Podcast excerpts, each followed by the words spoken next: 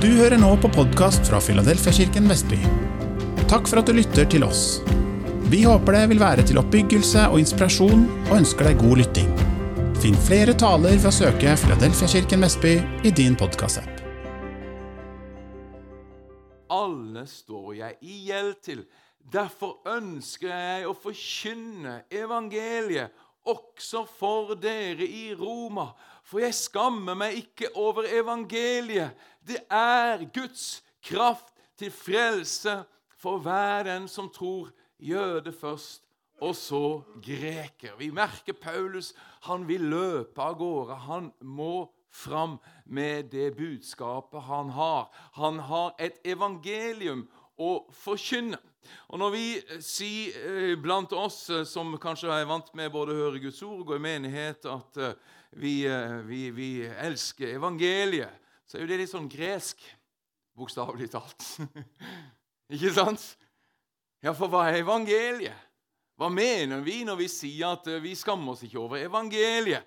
Eller at vi kan se for oss at vi også er sånne postbuder som har et budskap å levere, og det kalles evangeliet. Jeg tenkte i dag det kunne være fint å bruke litt tid på å gi noe av bakgrunnen. Jeg ble litt skjelven i buksa når jeg så det satt professorer og HLT-lærere og forskjellig sånt nede i salen. Kan være at jeg eh, må være litt forsiktig med hva jeg sier nå, men eh, på den andre siden sett, hvis dette skulle gå galt, så kan jeg bli korrigert etterpå. For ordet evangelium har et gresk eller et utgangspunkt i en vanlig sekulær tradisjon. Altså, Det var ikke Paulus som fant opp begrepet. Og det skrives fra da keiser eh, Eller det romerske riket, som etter hvert fikk keisere fra det greske evangelion, latinsk evangelium. Ser du i Store norske leksikon, så står det en forklaring at ordet evangelium er den latinske formen av det greske evangelion, som betyr godt budskap.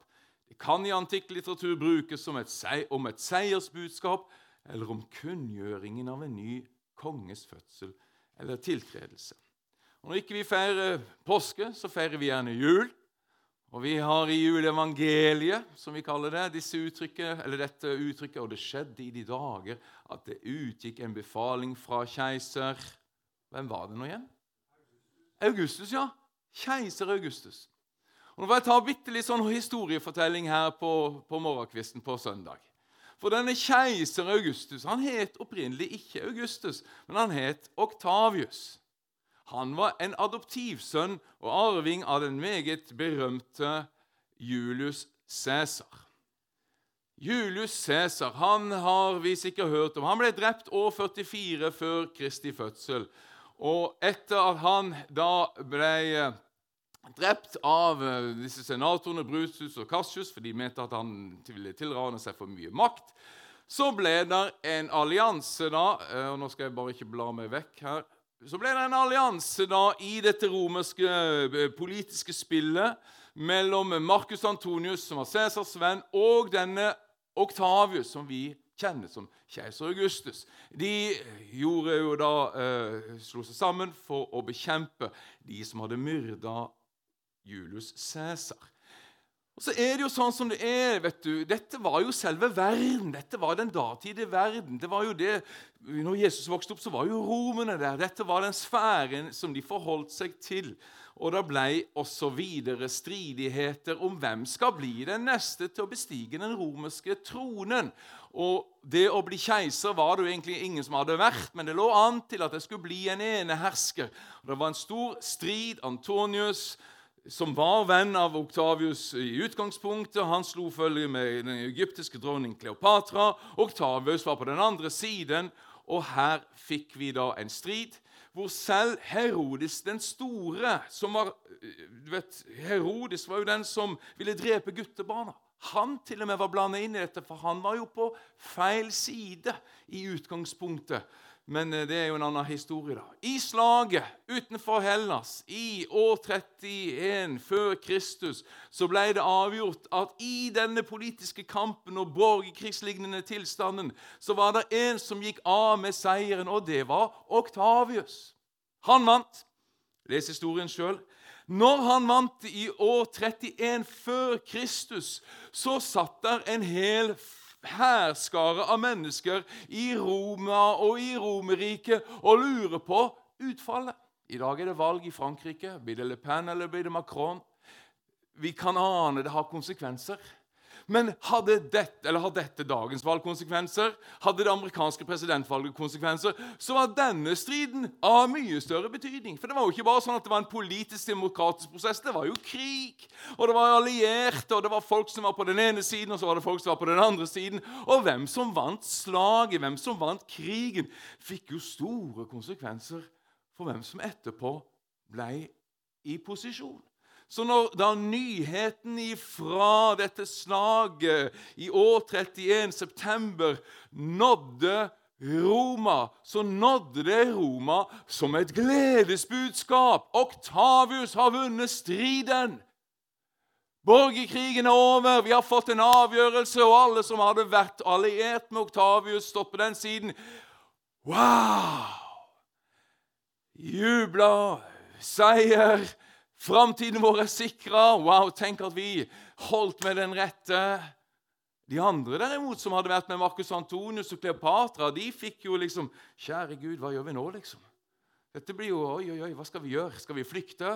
Dette blir ille. Nå, nå er vi jo på feil side. Og Herodis var en sånn en. Men han kom jo til Oktavius og sa på samme måte som jeg har tjent eller Du må ikke se på hvem jeg har tjent, men hvor dedikert jeg var den jeg tjente. Og slik vil jeg nå være dedikert mot deg. Og så klarte han å manøvrere seg slik at han beholdt posisjonen. Men du vet, evangelium det var et utrop av at det hadde skjedd noe av definitivt avgjørende betydning som nå hadde konsekvenser for ettertiden. Deri kommer liksom bakgrunnen for dette budskapet. Og du kan tenke deg at ordet dermed har en sånn type bakgrunnsklang at det er world news, breaking news. Har skjedd noe. Valget er avgjort. Krigen er avgjort. Den har seira. Og når det kommer den type meldinger, så er det liksom ingen som kan bare si ja, men det der, jeg, det der har ikke noe med meg Jo, det har noe med alle å gjøre. Det er jo det som er Poenget med evangelium det er noe som har med alle å gjøre. For Det er altså ikke en interesseforening som fikk en liten notis. Det er en world news at det har skjedd noe av avgjørende betydning. Og slik var det også at denne Oktavius, keiser Augustus, på mange måter ble en fredsfyrst i den forstand at han innleda Pax Romana, den 200-årige romerske freden. Hans styre brakte på mange måter også fred, rettferdighet og framgang til verden, og til og med evangeliets utbredelse kan man si, ble gjort lettere gjennom at det var ro og fred. Evangeliet skammer meg ikke over, sier Paulus. Da skjønner vi at ja, men det er jo ikke liksom at han nå skal 82 år seinere, eller hva det er, gjenta beskjeden om Oktavius. Men ordet evangelium har fått en viss klang. Det er sånn at Når man roper ut, ut evangelium, så er altså ikke det en andakt man skal holde. Jeg har lyst til å holde en andakt for dere. Nei, ordet evangelium er jo en nyhetssak. Det har altså skjedd et eller annet av definitiv karakter som påvirker noe. Og Når Paulus sier 'jeg skammer meg ikke over evangeliet', så ligger det som en klangbunn at noe må ha skjedd, som må ropes ut, som må formidles, som må fortelles, for det har avgjørende betydning. Ok, hva da? Jo da, evangeliet handler altså om en hendelse. Og da må jo vi si at vår tro, kjære deg og meg, er jo ikke en filosofi. Det er jo ikke etikk. Vi har jo ikke en moralsk konstruksjon som noen kom opp med som en flott tanke. Vår tro bygger på en historisk hendelse. Det har skjedd noe. Noe har funnet sted som har det ved seg at det gjør at noe kommer snart til å skje. Og det er der evangeliet har en sånn rikhet i seg fordi at noe har skjedd, så vet vi at det gjør at noe kommer til å skje snart. Og det igjen skaper en ny tidsperiode mellom det som har skjedd, og det som vi nå kjenner snart vil skje.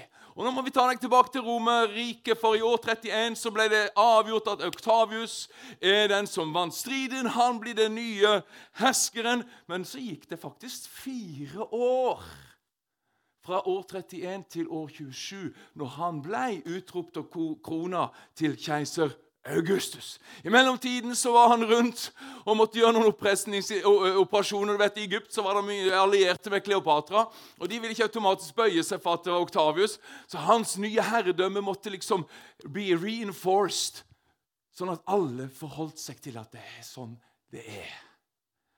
Ok? Så kom han tilbake. Men alle visste at fordi han har seira i slaget, det er det bare snakk om tid før han innsettes som keiser over hele det romerske riket. Alle må forholde seg til det. Alle må velge å enten prøve å stå imot, eller så må de innordne seg og bøye seg for den nye Herren, som er sjefen her nå. På samme måte så kommer liksom Paulus som en postmann på søndag med en følelse av urgency. Så sier han nærmest sånn som det her. Folkens, jeg har vært til stede i troen, i ånden, gjennom det som er overlevert meg. Jeg har sett at det har funnet sted noe.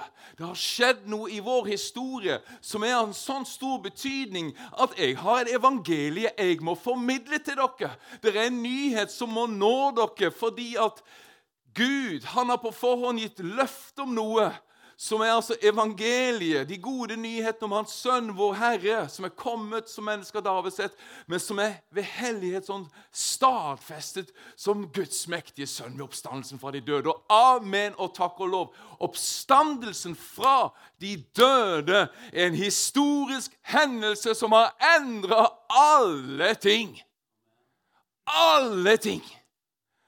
Alle ting er endra fordi Jesus har stått opp fra de døde.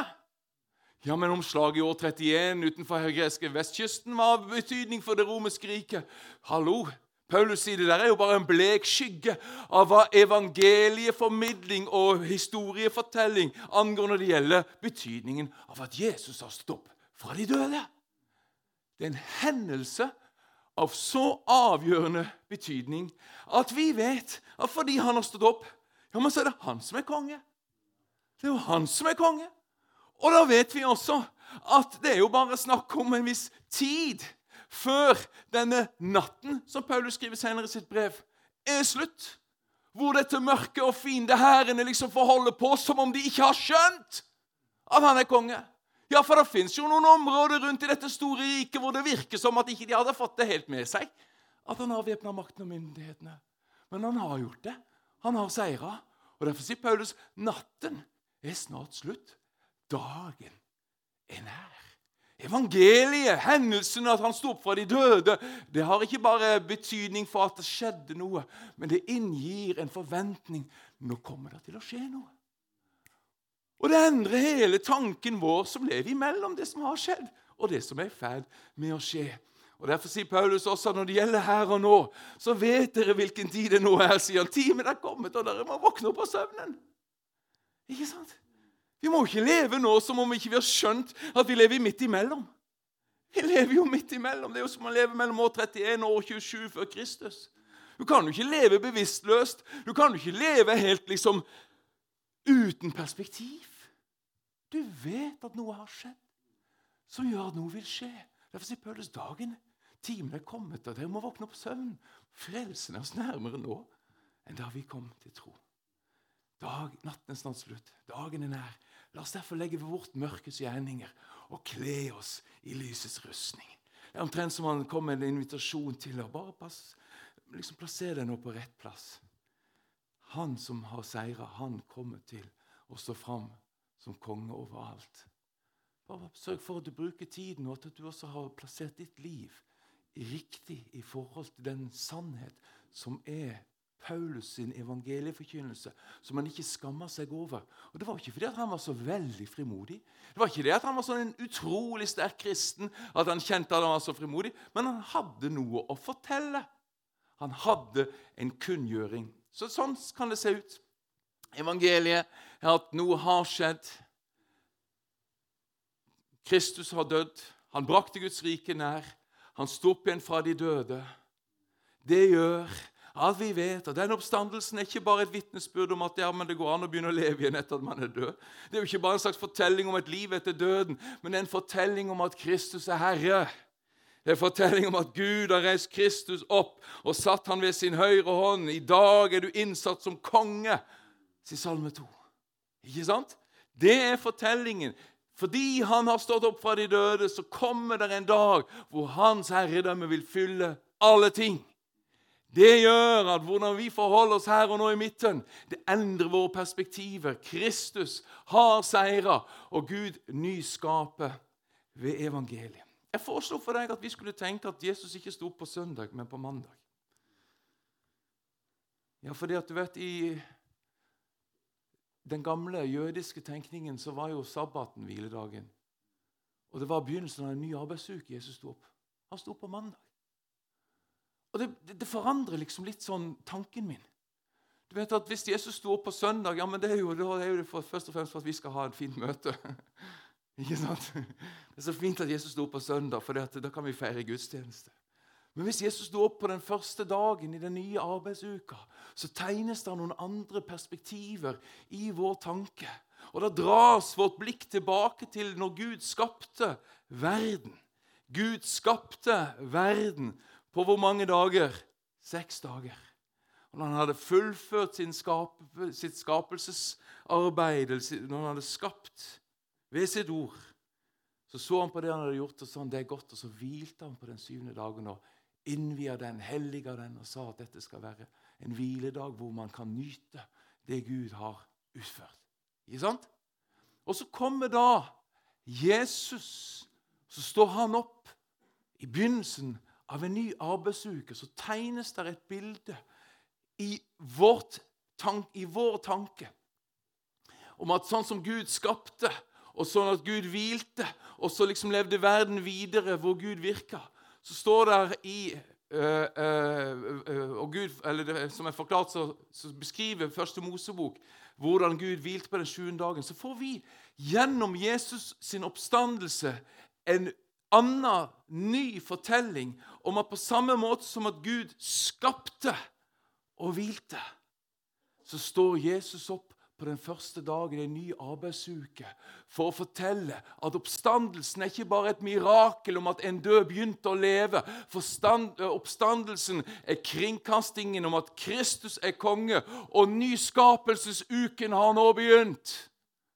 Halleluja, som Kristus sin oppstandelse. Ikke bare et vitnesbyrd om at han er konge, men om at Gud vil gjøre alle ting nye i Kristus. Så innled oppstandelsen Guds si, nyskapelsesuke. Halleluja.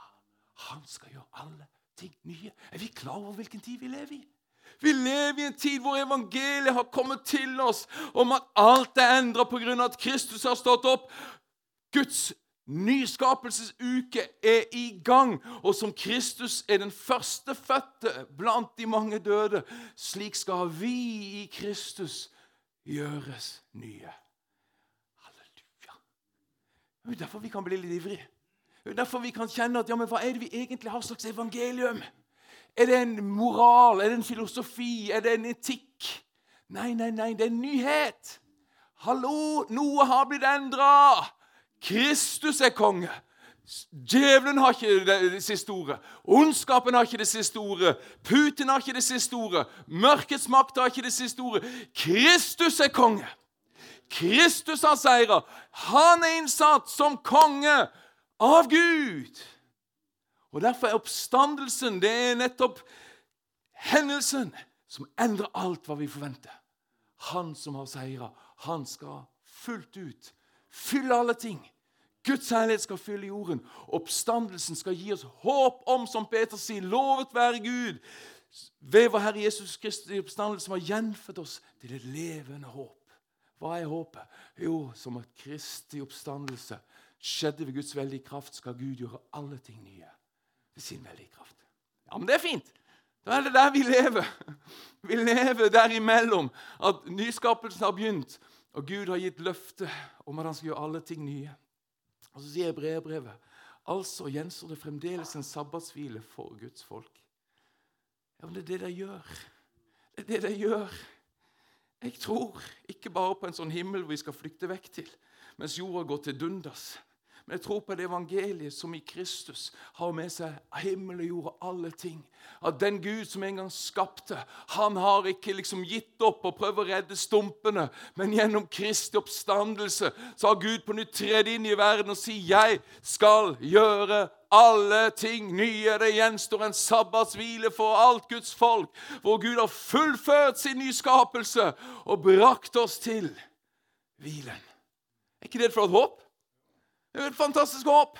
Men vi som lever her og nå, da, hva vil vi gjøre da? Skal vi holde med han Markus Antonius og Kleopatra? Skal vi være liksom Ja, ja, men det var de vi hadde håp på. Jeg nekter å bøye meg. Jeg skal liksom Er det sånn vi skal leve?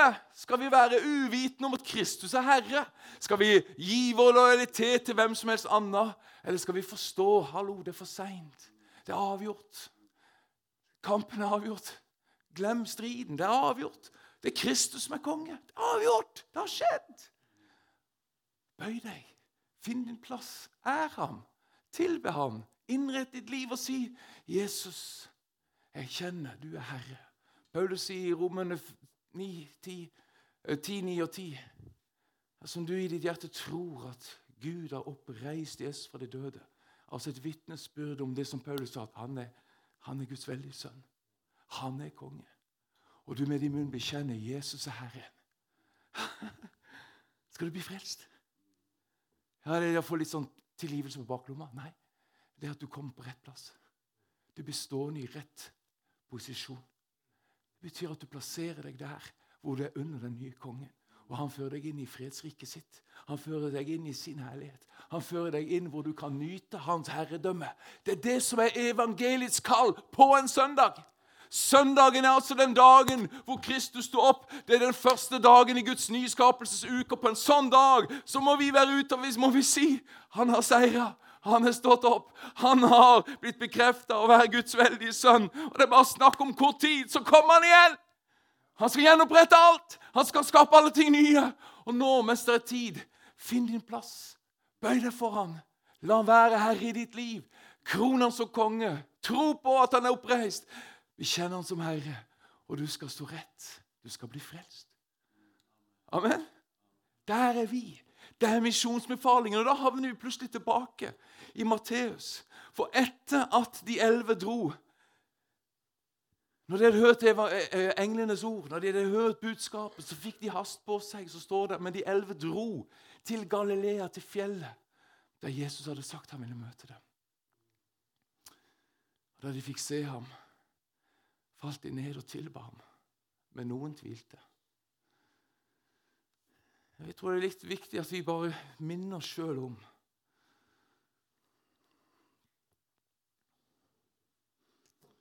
Oppstandelsen er ikke bare at Jesus begynte å leve igjen. Oppstandelsen er ikke bare at ja, ja, men det var godt å se at det gikk bra med deg, Jesus. Vet du hva? Disse disiplene hadde gått sammen med Jesus i tre år. Jo da, de hadde lurt på hvem er han De hadde kjent oi, oi, oi, vi klarer ikke helt å forstå hvem han er.